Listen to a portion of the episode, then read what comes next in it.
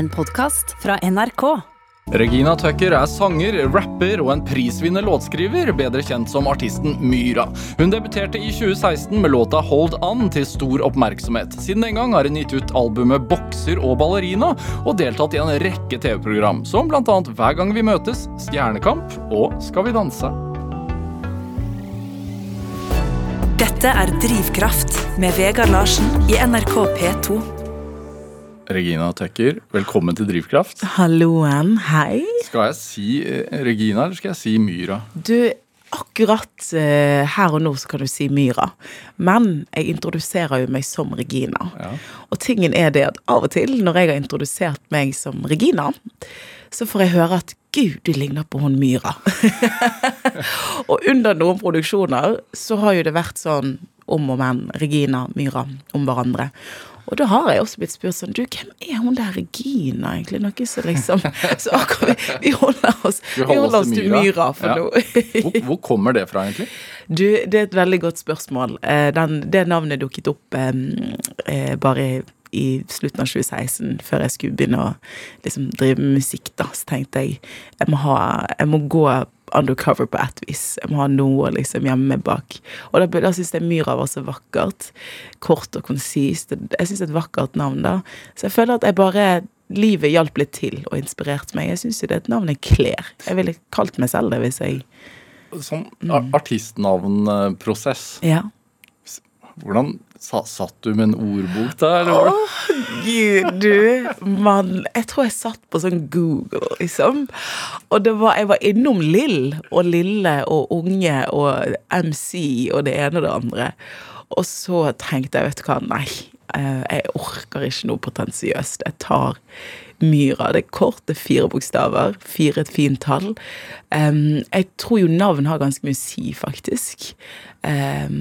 Og akkurat Det var bare det navnet som jeg følte følte kledde prosjektet mitt, og ja, kledde tankene mine om hva jeg ville gjøre. da. Hadde det blitt noe helt annet hvis du var unge? Ja, unge Vet Bare, hva? bare unge?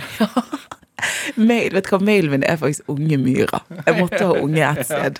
Mm, Er det altså det albumet ditt 'Bokser og ballerina' som kom ut i 2021? ja. På, på hvilken måte er den tittelen beskrivende for deg? Eh, på, eh, for min del eh, det, Den forteller veldig mye om meg. Um, jeg tror jeg er alltid blitt litt sånn kastet mellom Jeg er jo en ekstremt egentlig emosjonell person. Jeg er en veldig følelsesstyrt person. Eh, og så har jeg vokst opp i under i omstendigheter som har gjort at jeg gjerne har har blitt litt hardere. Det har vært en forsvarsmekanisme å være tøff og liksom vokse opp under litt turbulente kår.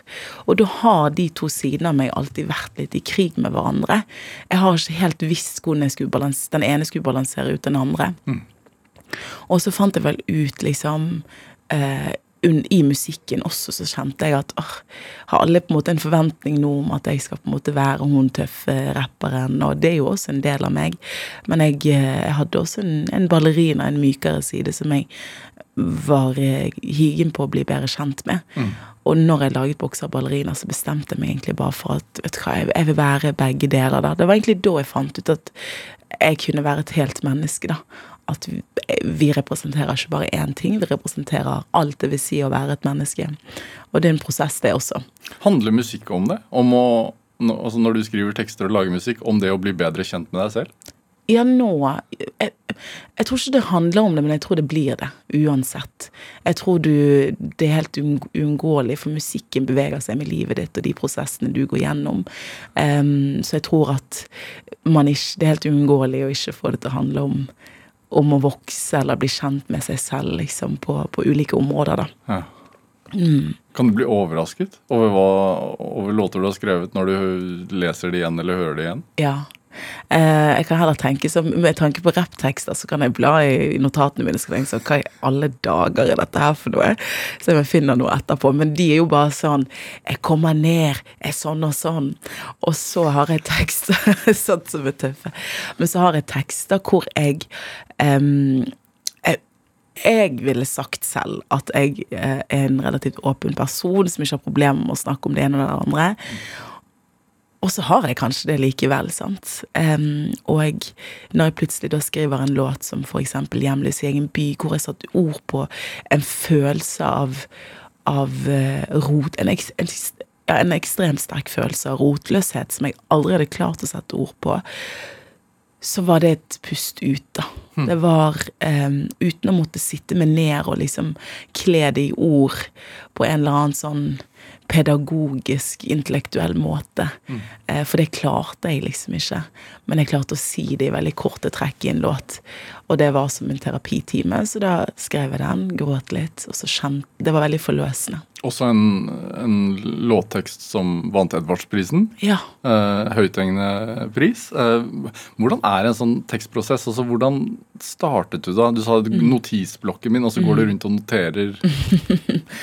eh, akkurat med, sånn, med den låten så tror jeg det bare kom i studio. Jeg hørte produksjonen av eh, Øyvind Basmo. Um, og det bare kom. Jeg tror jo at da var timingen var der. Jeg var klar til å snakke om det. Man skal ikke begynne å snakke om ting for tidlig heller. Det er liksom en prosess i deg. Jeg tror jo ting blir til før de blir fysiske. sant? At en låt blir til i meg for tre, tre fire, fem, seks, syv, åtte år siden. Og så kommer han, blir han ikke fysisk før den prosessen er, er omme, da. Eh, og da jobber den, selv om Den jobber kanskje litt med livet mitt. At noe blir plantet og så vokser. Det høres jo litt sånn klisjé ut, men jeg tror oppriktig at en låt kan bli plantet, og så trenger han å liksom vokse sakte, men sikkert. Em, uten at jeg er klar over det selv. da. Hvordan ble denne plantet, da? Altså, den ble plantet, den ble plantet ganske tidlig av livet mitt. da. Em, men den følelsen av uh, utilhørighet, og den følelsen av å på en måte bare ha rekt rundt i byen, men har liksom aldri hatt en, en, et ordentlig hjem, uh, den var jo der. Men jeg var jo så opptatt av å bevege meg fremover. Jeg var så opptatt av å komme meg vekk ifra det at det var ikke Men, men det, men det, det Så opplevde du ikke egentlig mens du opplevde det? Altså, altså at du Nei, jeg tror at jeg var mer opptatt av å ignorere det. Følelsen av det. Men det Den følelsen går jo ikke bort av den grunn. sant? Jeg kunne jo på en måte ikke ignorere det. Så, så jeg, kunne, jeg kunne ikke skrive en låt om det før jeg anerkjente det. Og det tok Denne låten skrev jeg vel da jeg var 24, tror jeg. Ehm, og det var først da, da var jeg anerkjent, og da stoppet opp og, og, og tok imot den følelsen av at oi, kanskje jeg har kjent Eller jeg har kjent på det, hvorfor ignorerer jeg det? Og da var Men det var jo plantet for lenge siden. Han var jo der fra før. Skal vi høre? Ja. Må gi meg mer enn ditt kroppsspråk. Mer enn en sommer. Når du en gang kommer. Mer enn du lover. Gi meg mer enn noe sølv. Så det kan glitre. Så det lyser. Og det var støv. Jeg vet at det sikkert er i hodet mitt. Popper Paracet og blir Obelix. Pilledrømmen, pillestrøm i blodet mitt. Jeg kodein en protein, så kanskje vi kan bole litt. Kanskje vi kan kalle det en depresjon. Vet da faen, jeg har hatt det siden barneskolen. Glasset mitt er halvfullt, men min kropp er tom. Meg og mine tanker, en pistol og en flaske rom. Ser du jeg er hjemløs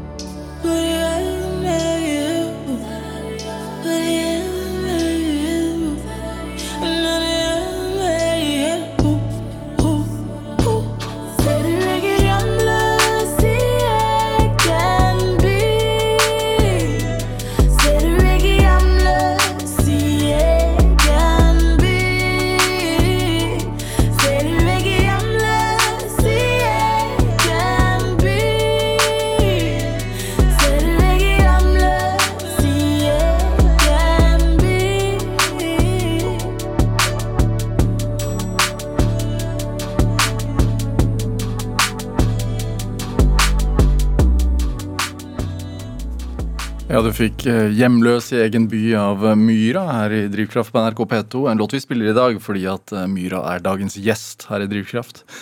'Hjemløs i egen by'. Hvor er hjemmet? Si det. Mange ville sagt at hjemmet er i seg selv. Eller 'home is where the heart is'. Du, um, jeg tror at jeg etter hvert har funnet veldig hjem i folk. Jeg har funnet veldig hjem i meg selv.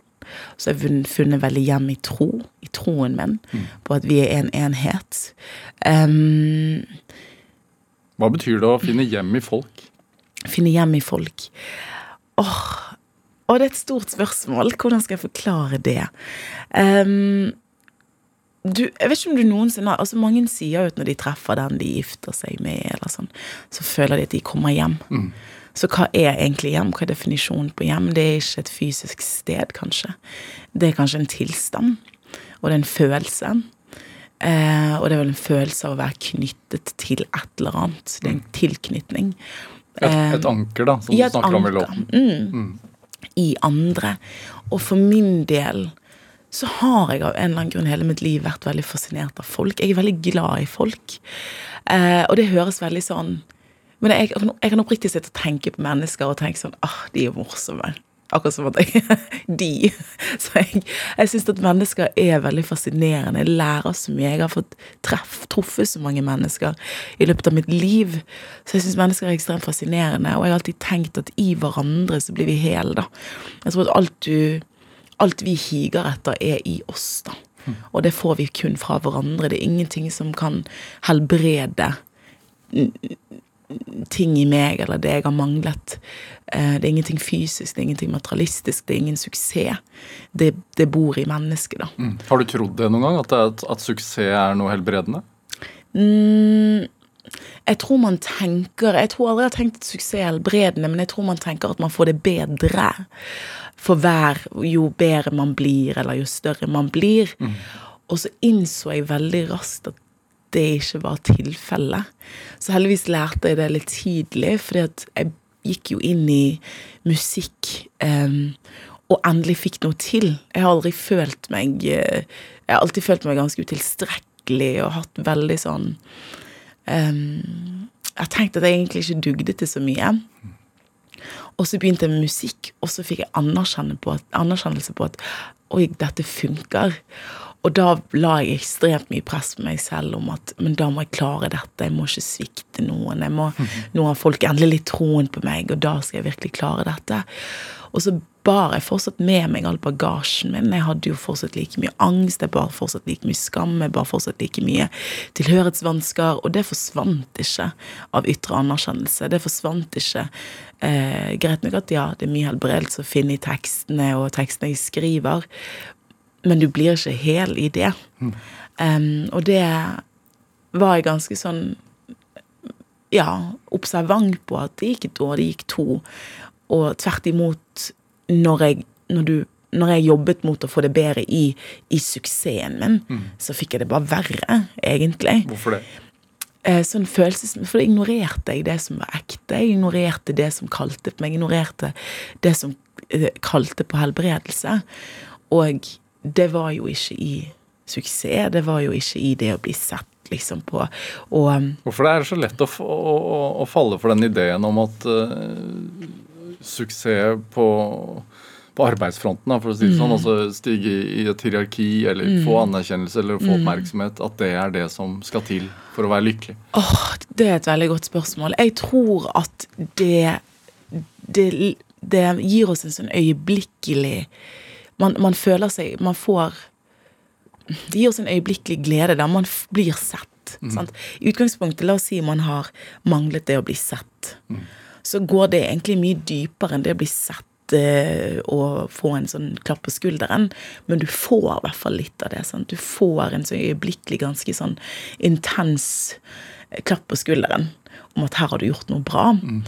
Eh, så det er vel på en måte anerkjennelse basert på gjerninger. Eh, og det blir et strev, det også, for da må du opprettholde det. sant?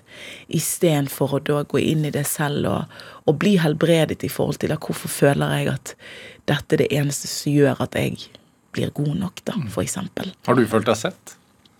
Eh, jeg tror man føler seg sett når man lar seg selv bli sett.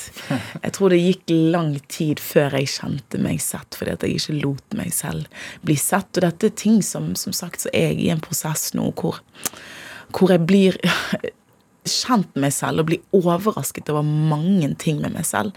Sant? Eh, denne høsten så har jeg eh, vært i en, en, i en boble hvor, eh, som har vært utrolig utfordrende på om jeg ville gjort det igjen. Skal vi danse?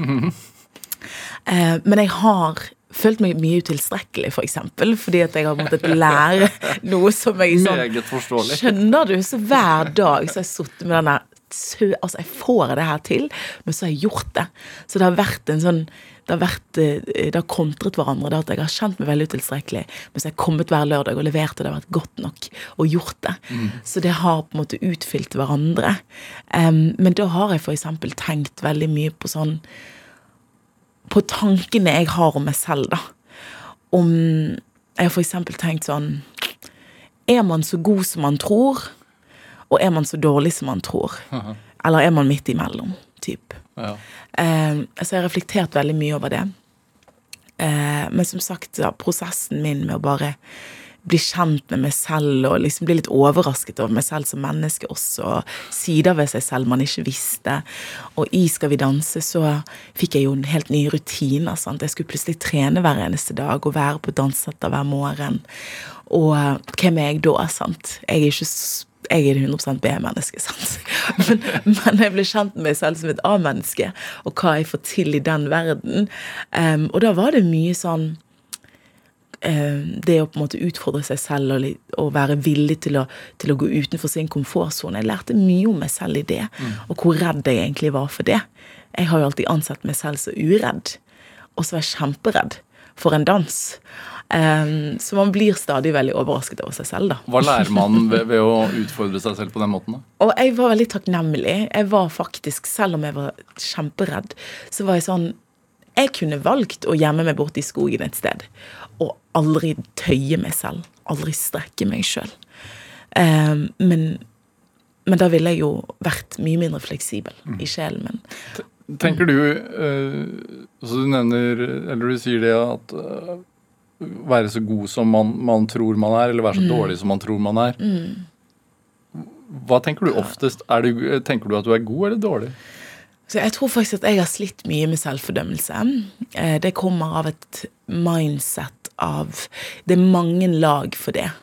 Det er mange lag fordi at jeg er oppvokst eh, uten mye ytre anerkjennelse. Jeg flyttet jo veldig mye, sant.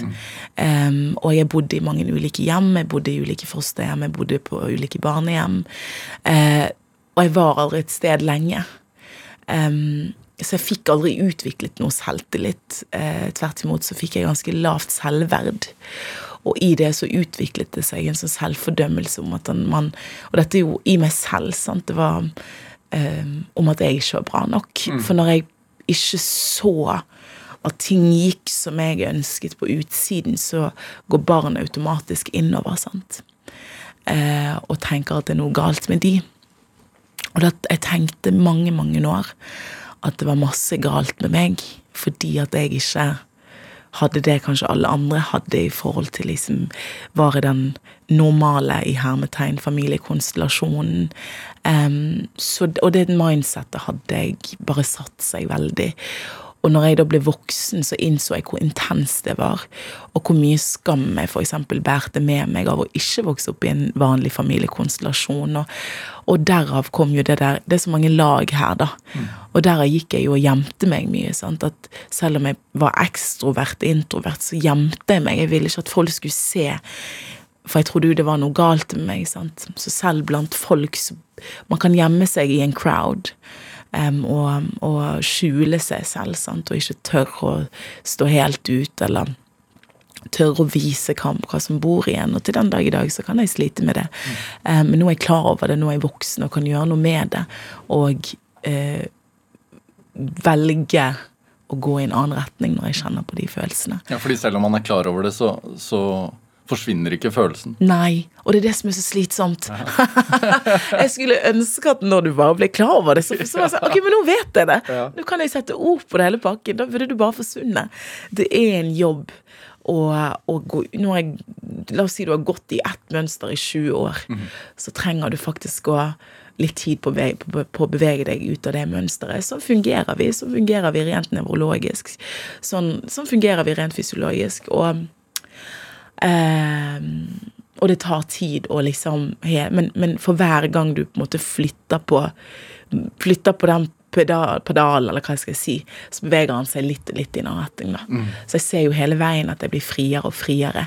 Men det er også en, en noen dager er mer kamp enn andre. Men, men den styrken som du har i deg, eh, mm. den er jo veldig tydelig ja, jeg, jeg syns det, i hvert fall. Takk. Eh, det å, å, våge å sitte og, og, og, prate såpass åpent om, om, eh, om, indre følelser er jo også mm. veldig modig. Mm. Eh, og, og, som du sier, så at du har ikke hatt den normale oppveksten og ikke den, det sikkerhetsnettet, da, på et vis. Mm. Du, du, har måttet stå på egne bein ganske tidlig. Mm. Ja, um, og av altså dette her Jeg har jo gått terapi og fått satt mer ord på ting jeg kjenner på. Men sånn Jeg kjente for eksempel på en enorm Og dette skjønte jeg ikke før jeg var ute i 20-årene, men um, jeg følte at mens jeg vokste opp Det er mange bilder på det, mm. men på ett bilde er at jeg uh, alle var aldri samlet på ett sted, så jeg kjente meg som på Jeg følte jeg sto på en øy midt i havet. Og så var det mange øyer rundt meg, og så hoppet jeg fra en øy til en annen, men jeg måtte alltid tilbake til min egen øy, da. Og det var aldri noe med meg på den øyen. Og et annet bilde var at eh, jeg, kjenn, jeg, følte ikke jeg hadde noe beskyttelse. Jeg hadde ikke noe skjold.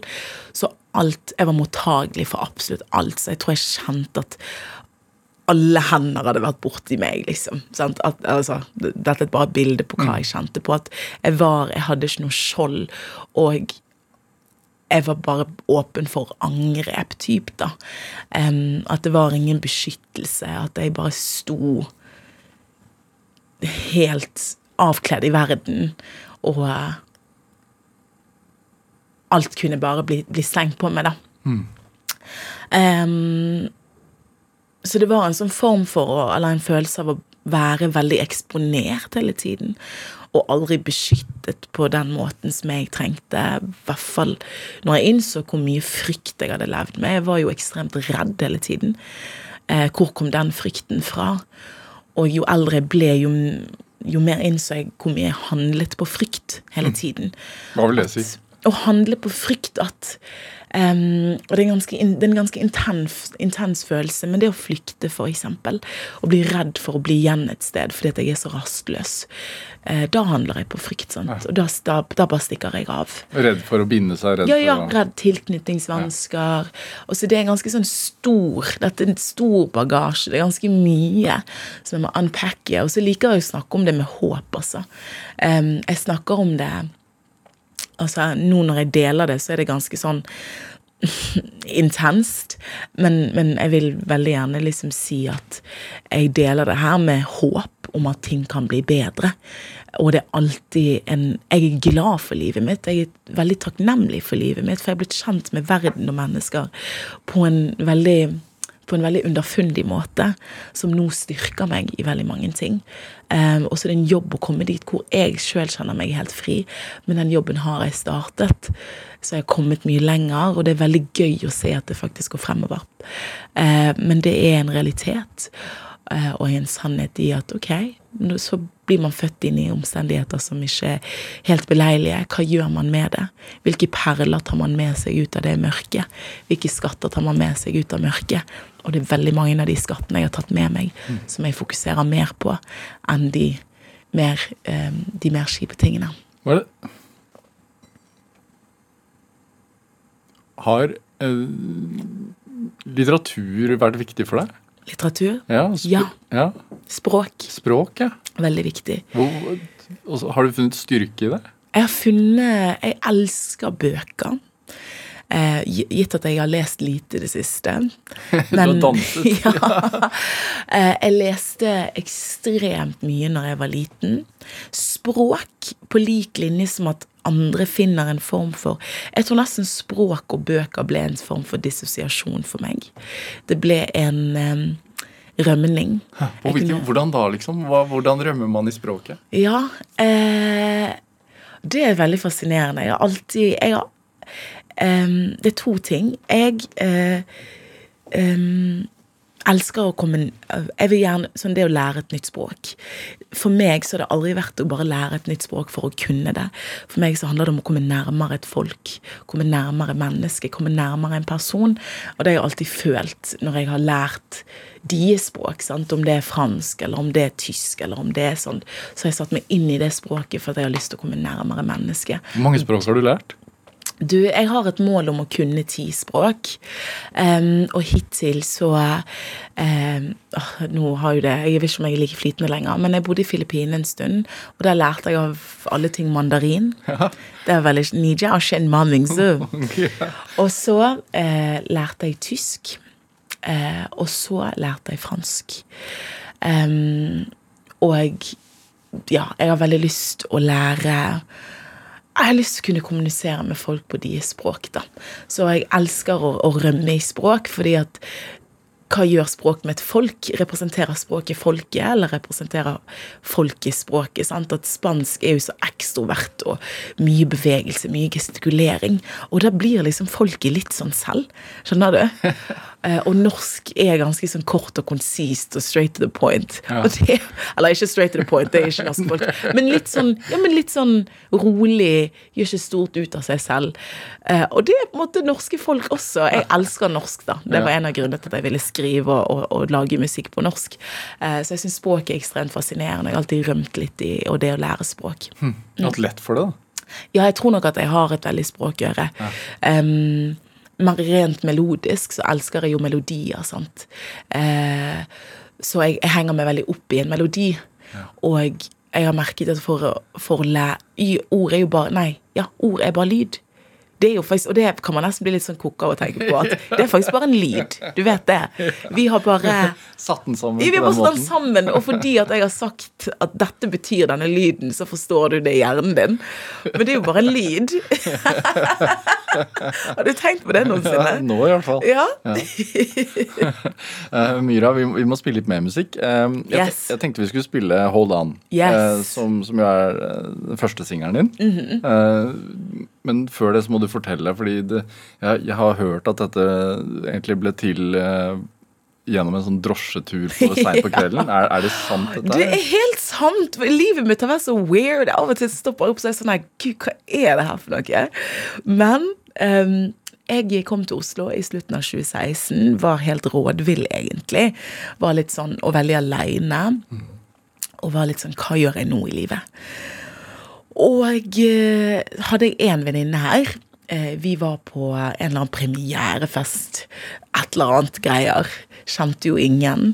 Og vi tok en Uber hjem etter den premierefesten. Klokken var tre på natten, vi var litt gode i gassen. Um, og jeg satte meg inn i den Uberen, og der satt en Uber-sjåfør som var relativt ung.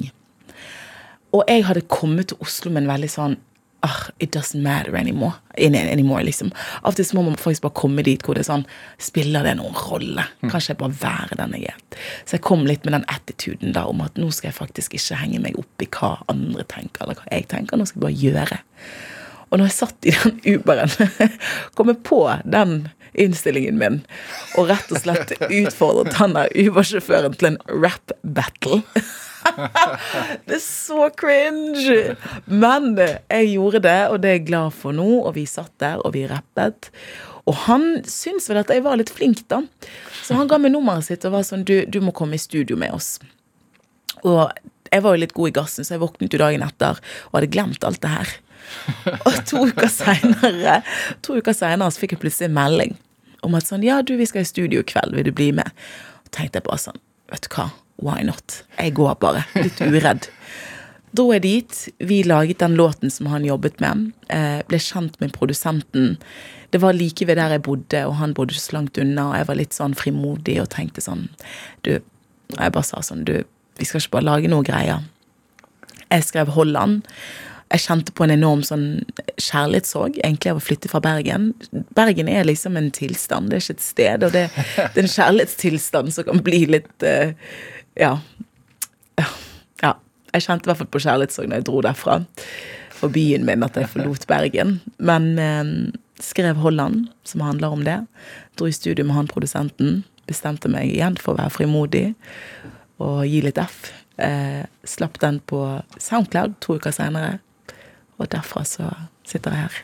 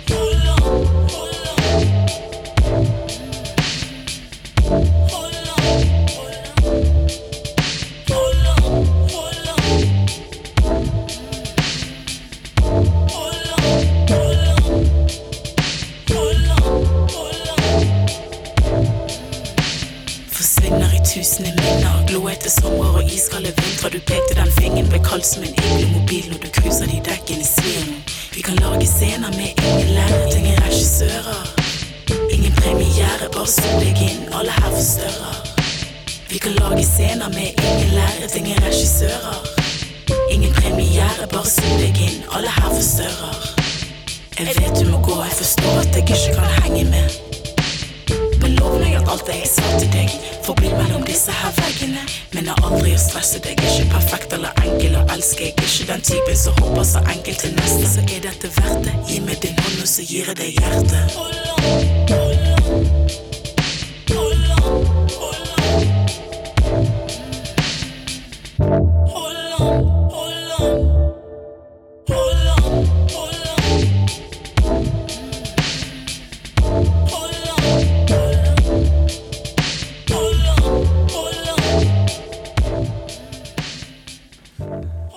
du fikk eh, Hold On av Myra her i Drivkraft på NRK P2. En eh, låt vi spiller her i Drivkraft i dag fordi at Myra er dagens gjest.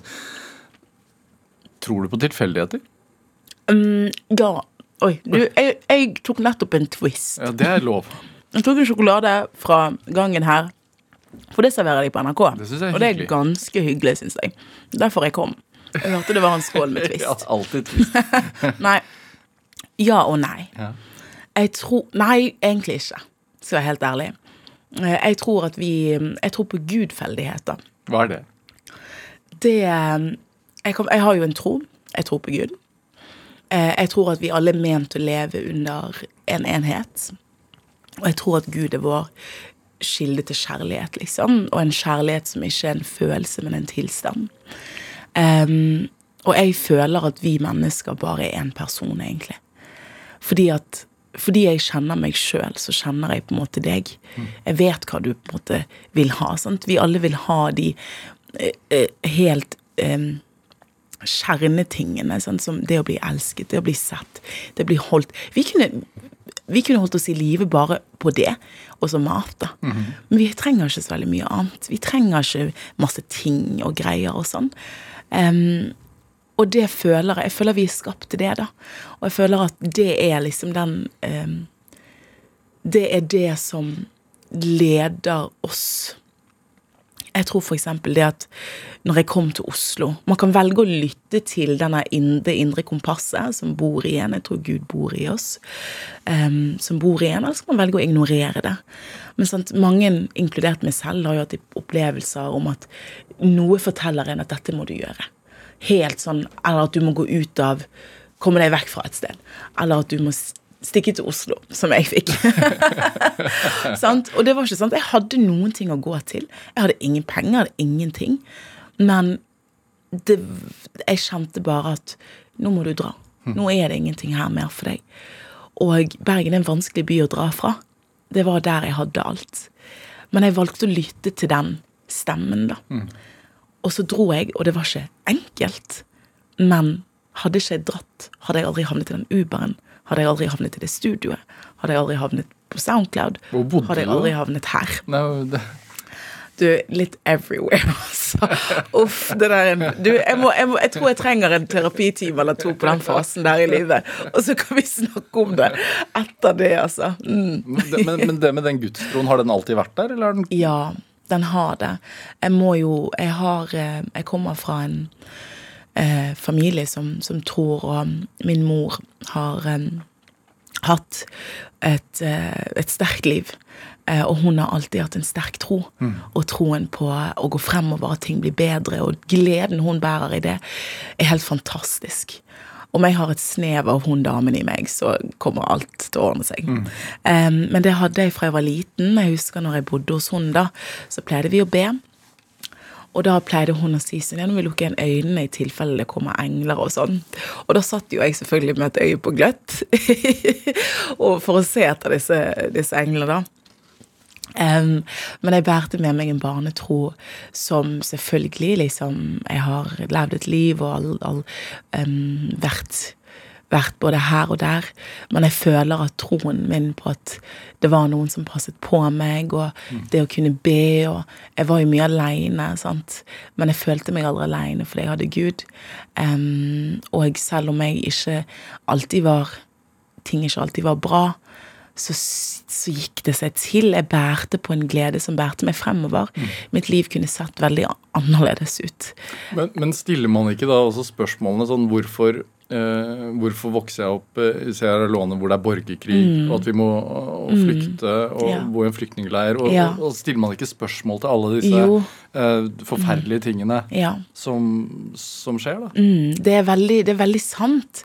Um, jeg tror jo at man kommer Nå har jo jeg liksom trodd på Gud og valgt å tro på Gud, og jeg tror jo at Gud tar bolig i deg, liksom, og gir meg? Jeg har jo spurt alle disse spørsmålene, og jeg føler at jeg liksom vokser i visdom på det. Og vokser i forståelse. Og så vokser jeg i at det ingen, ingen steder står det at livet kommer til å gå plettfritt. Um, det er flere som har hatt det verre enn meg. Ikke at det liksom rettferdiggjør min historie, eller ugyldiggjør min historie. Men ingen steder står det at det kommer til å gå plettfritt.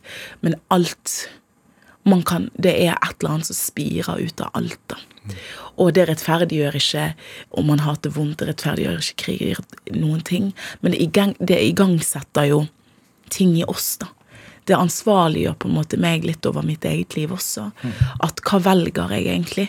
Velger jeg å tro på at ting kan bli bedre? Velger jeg å tro at jeg kan være til god påvirkning? Hva blomstrer ut av det, da? Og når jeg har valgt det, hva vokser i andre? Hva ser folk når de ser i meg? Hvem blir inspirert av meg? Velger i den retningen? Eller velger i retningen av selvdestruksjon og, og så videre og så videre? Så jeg tror jo det er valg, og jeg kunne ikke velge hvor jeg ble født. Men jeg kan velge hva jeg tar med meg derfra. Jeg kan velge å se, se det fra et perspektiv som er ovenifra og ned. Um, og velge å gjøre min, min del av det å være menneske. Og det å se de rundt meg og gjøre det jeg kan. At vi står til ansvar for hverandre. Sant? Og så feiler vi masse. Men vi kan alltids reise oss og prøve på nytt. Um, ja. Hvis det Den, den visdommen, er den selvlært, eller har du Hvor har du fått den fra, tror du? Jeg tror jeg har fått den fra Gud. jeg har bedt om det.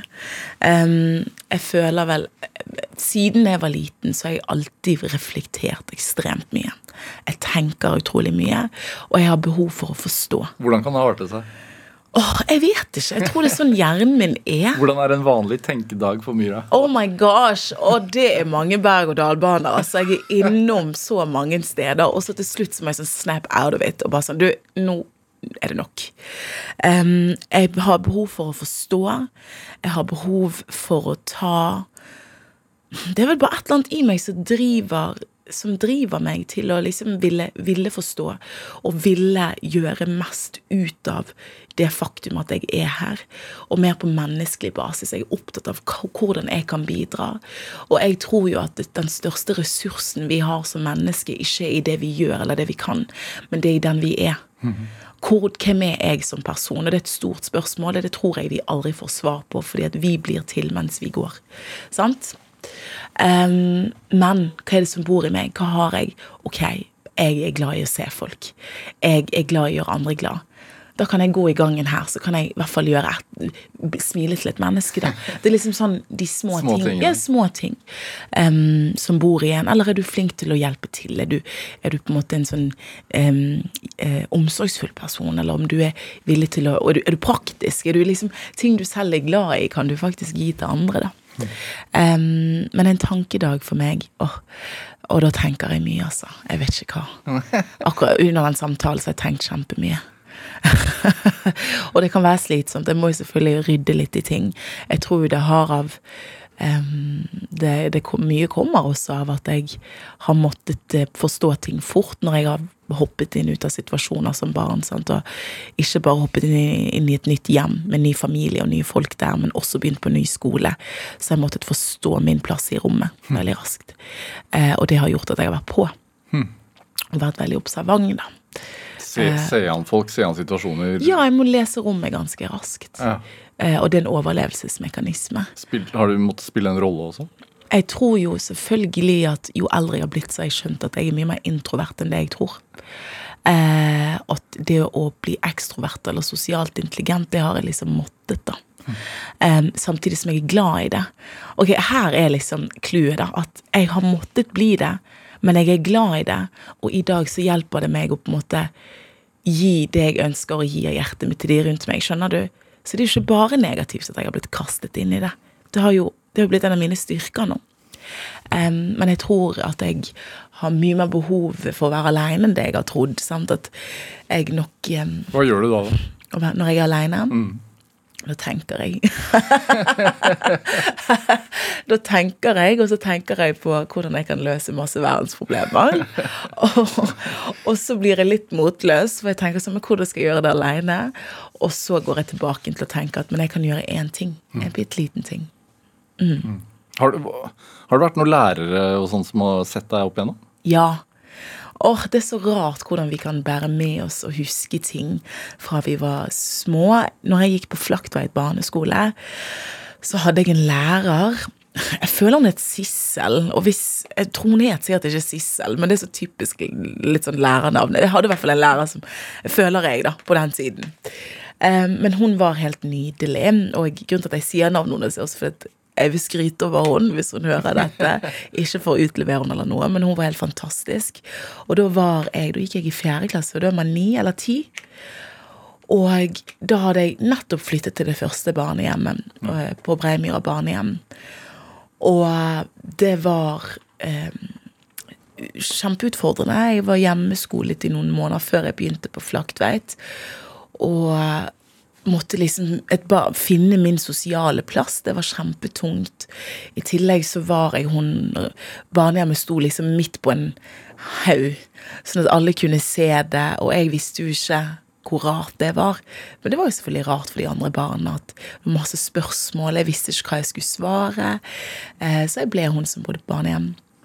Men eh, hun læreren min, da, som jeg ikke husker hva het, en gang Allerede da begynte jeg å slite med liksom mitt selvverd og tenke sånn det er noe rart med meg.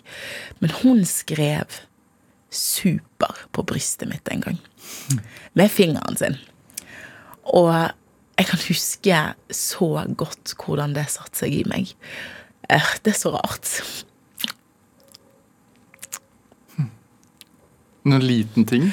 Det var kjempe... Som- Som, som blir så gråter jeg på en onsdag formiddag her. Nei da. Det betydde så mye, for jeg følte at jeg At det sto der. Mm. Sant? Og jeg, det kan jeg fortsatt liksom Det kan jeg fortsatt tenke Dette er gledestårer. Mm. Det kan jeg fortsatt tenke på. At det står når jeg sliter med mine tanker om meg selv, eller sant. Så jeg har tenkt på den, og hvor stort det var for meg, da. Det står super der Mm. når du trenger det. Yes! Det er fantastisk. I usynlig blekk. Ja. Ja. Så tusen takk til hun. Og så hadde jeg jo mange andre. Jeg har hatt masse, og det er også jeg enormt takknemlig for. sånn jeg velger på en måte å se på livet mitt i Gud, det kom masse tårer her nå. Jeg har sminke på, så nå svir det i øynene mine.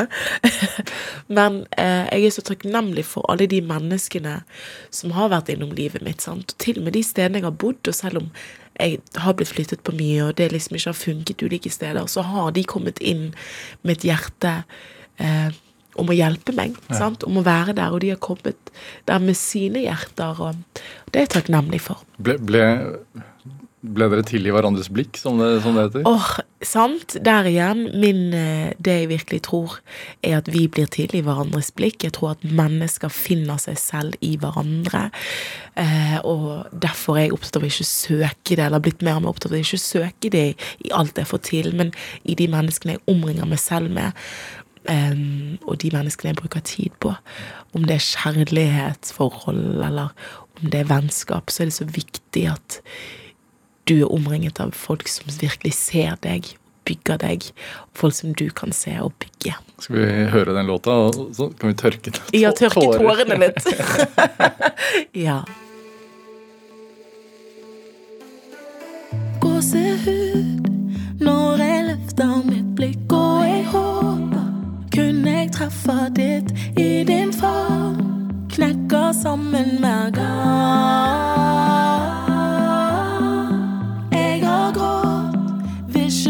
Ikke det bort. gledestår når du holder meg, for du ble og ingen andre har blitt.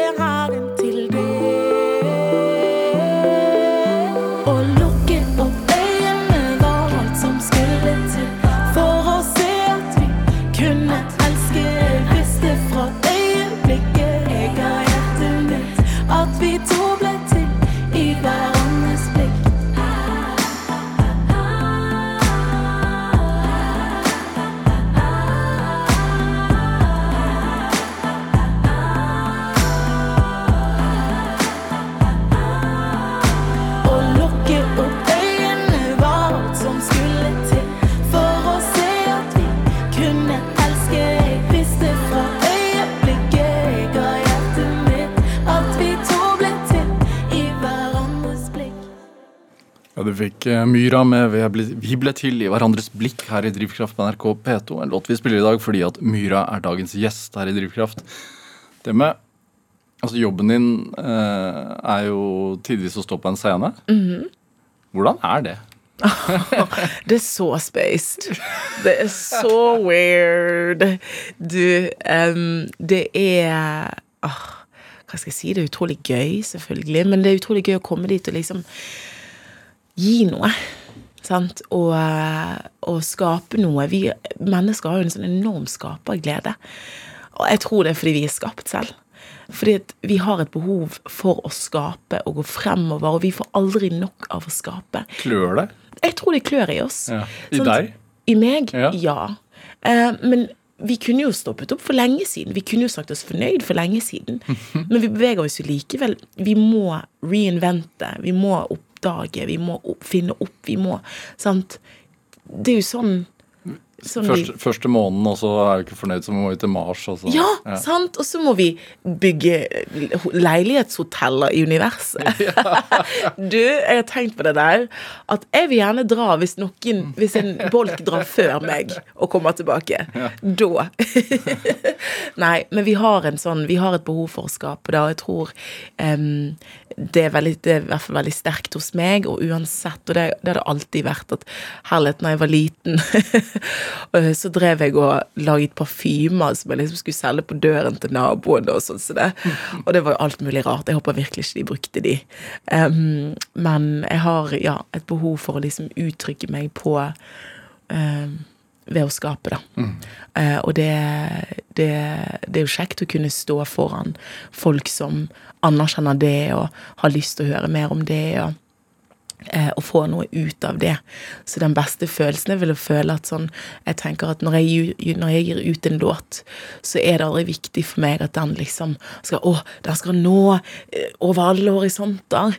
Det viktigste for meg er at den låten finner det ene mennesket det betyr noe for. Og eh, det ene mennesket den låten eh, planter et frø i, som gjør noe for de. Um, så om det er én person som hører den, så, så er det greit, hvis det var den personen det var ment for. Har du fått noen sånne tilbakemeldinger? At én person har hørt min, ja. Nei, men at, at noen har kommet til deg og sagt sånn Den, den fikk noe til å begynne Ja. å, å spire i meg. Ja. ja. Jeg tror særlig med den siste nå, den vi ble til i hverandres blikk. Eh, Jeg var faktisk på Nitimen, ikke for å liksom For å plugge en annen eh, greie her mens jeg er her. Eh, Men da snakket vi om Vi ble til i hverandres blikk, fordi at første gang jeg sa den setningen, var på Nitimen. Og da sa hun jeg snakket med, at du må jo lage en låt som heter det. Og så laget jeg 'Vi ble til i hverandres blikk'. Eh, og da snakket vi om den låten, så fikk vi inn en melding fra en jordmor som hadde vært på, hjem, på en hjemme, eh, hjemmefødsel. Og da hadde hun hørt, de hørte på Nitimen og hørte den låten, og i det hun mammaen da fikk babyen i armene sine, og de så på hverandre og ble til for hverandre, så ga den låten meningen for, mening for hun. Og det syns jeg var ekstremt sterk, sterkt. Eh, for det er jo det som er hele, hele det er jo det som er det essensielle med hele låten, hvordan vi blir til for hverandre. Fra øyeblikket vi faktisk blir til. Blir det Er det det da som trigger deg til å gå videre? Altså sånne følelser? Uh, ja. Uh, ok. Jeg tror, som sagt, jeg er skikkelig takknemlig for livet mitt. Og det som virkelig driver meg, er Apropos det at jeg har levd et liv som har gått fra hit til dit og sånn, det har også gjort meg veldig bevisst på at ingenting forblir det samme hele tiden. Livet er så dynamisk. Jeg har bodd på, på et barnehjem, og dagen etter så bor jeg i et fosterhjem. Altså, sant? Eller at jeg har vært der, og nå er jeg her. At det har gjort meg veldig bevisst på hvor fleksibelt livet er, og at du kan velge. Det er mange valg. Det er tøft å velge av og til, for man ikke vet hva man skal velge. Men du kan velge. Og for min del så tror jeg jeg har sett så mye at man kan gå fra det ene til det andre så kjapt. At jeg vet at livet kan gå fra det ene til det andre ganske kjapt nå også. Og det har gjort meg veldig fri. Jeg har et enormt frihetsbehov, da. um, som i, i gode mengder er bra. og så er det, jo, er det jo viktig å på en måte bli et sted. Sant? Og, og knytte seg og være trofast i ting. Men jeg har et enormt frihetsbehov, og det gjør også at jeg er veldig nysgjerrig og ikke, er ganske uredd for å prøve nye ting. Og det driver deg fremover. Ja, det driver meg fremover fordi at livet mitt har vært sånn. My Myra, Ja, tusen takk for at du kom til Drivkraft. tusen takk for meg. Hør eh, flere samtaler i Drivkraft på nrk.no eller i appen eh, NRK Radio. Send oss gjerne ris eller ros, og også tips til mennesker som du mener har drivkraft. Send en e-posten til drivkraft.krøllalfa.nrk.no. Vi hører veldig gjerne fra deg. Produsent i dag det var Olav Tessem Widsvang, mens eh, Melody Holst Talebi bidro med research til denne sendingen. Men dette, dette var Drivkraft. Jeg heter Vega Larsen. Vi høres. En podkast fra NRK. Hei, det er meg, Are Sende Osen. Han som er så glad i historier om de norske kongene, du vet. Nå kommer fjerde og siste sesong av podkasten Kongerekka. Og det er jo sånn, vi lever i en flyktig tid, og det er så vanskelig å få fullført ting. Men nå har du sjansen. Nå kan du høre deg gjennom alle de norske kongene. Ifra Harald Hårfagre samla Norge til et rike pga. ei dame, og fram til den kongen vi har i dag. Da kan du klappe deg sjøl på brystet, eller på skuldra, eller du kan klappe kompisen din på skuldra. Og så kan du si 'Jeg har fullført noe'. Jeg har hørt meg gjennom hele kongerekka. Hør podkasten Kongerekka i appen NRK Radio.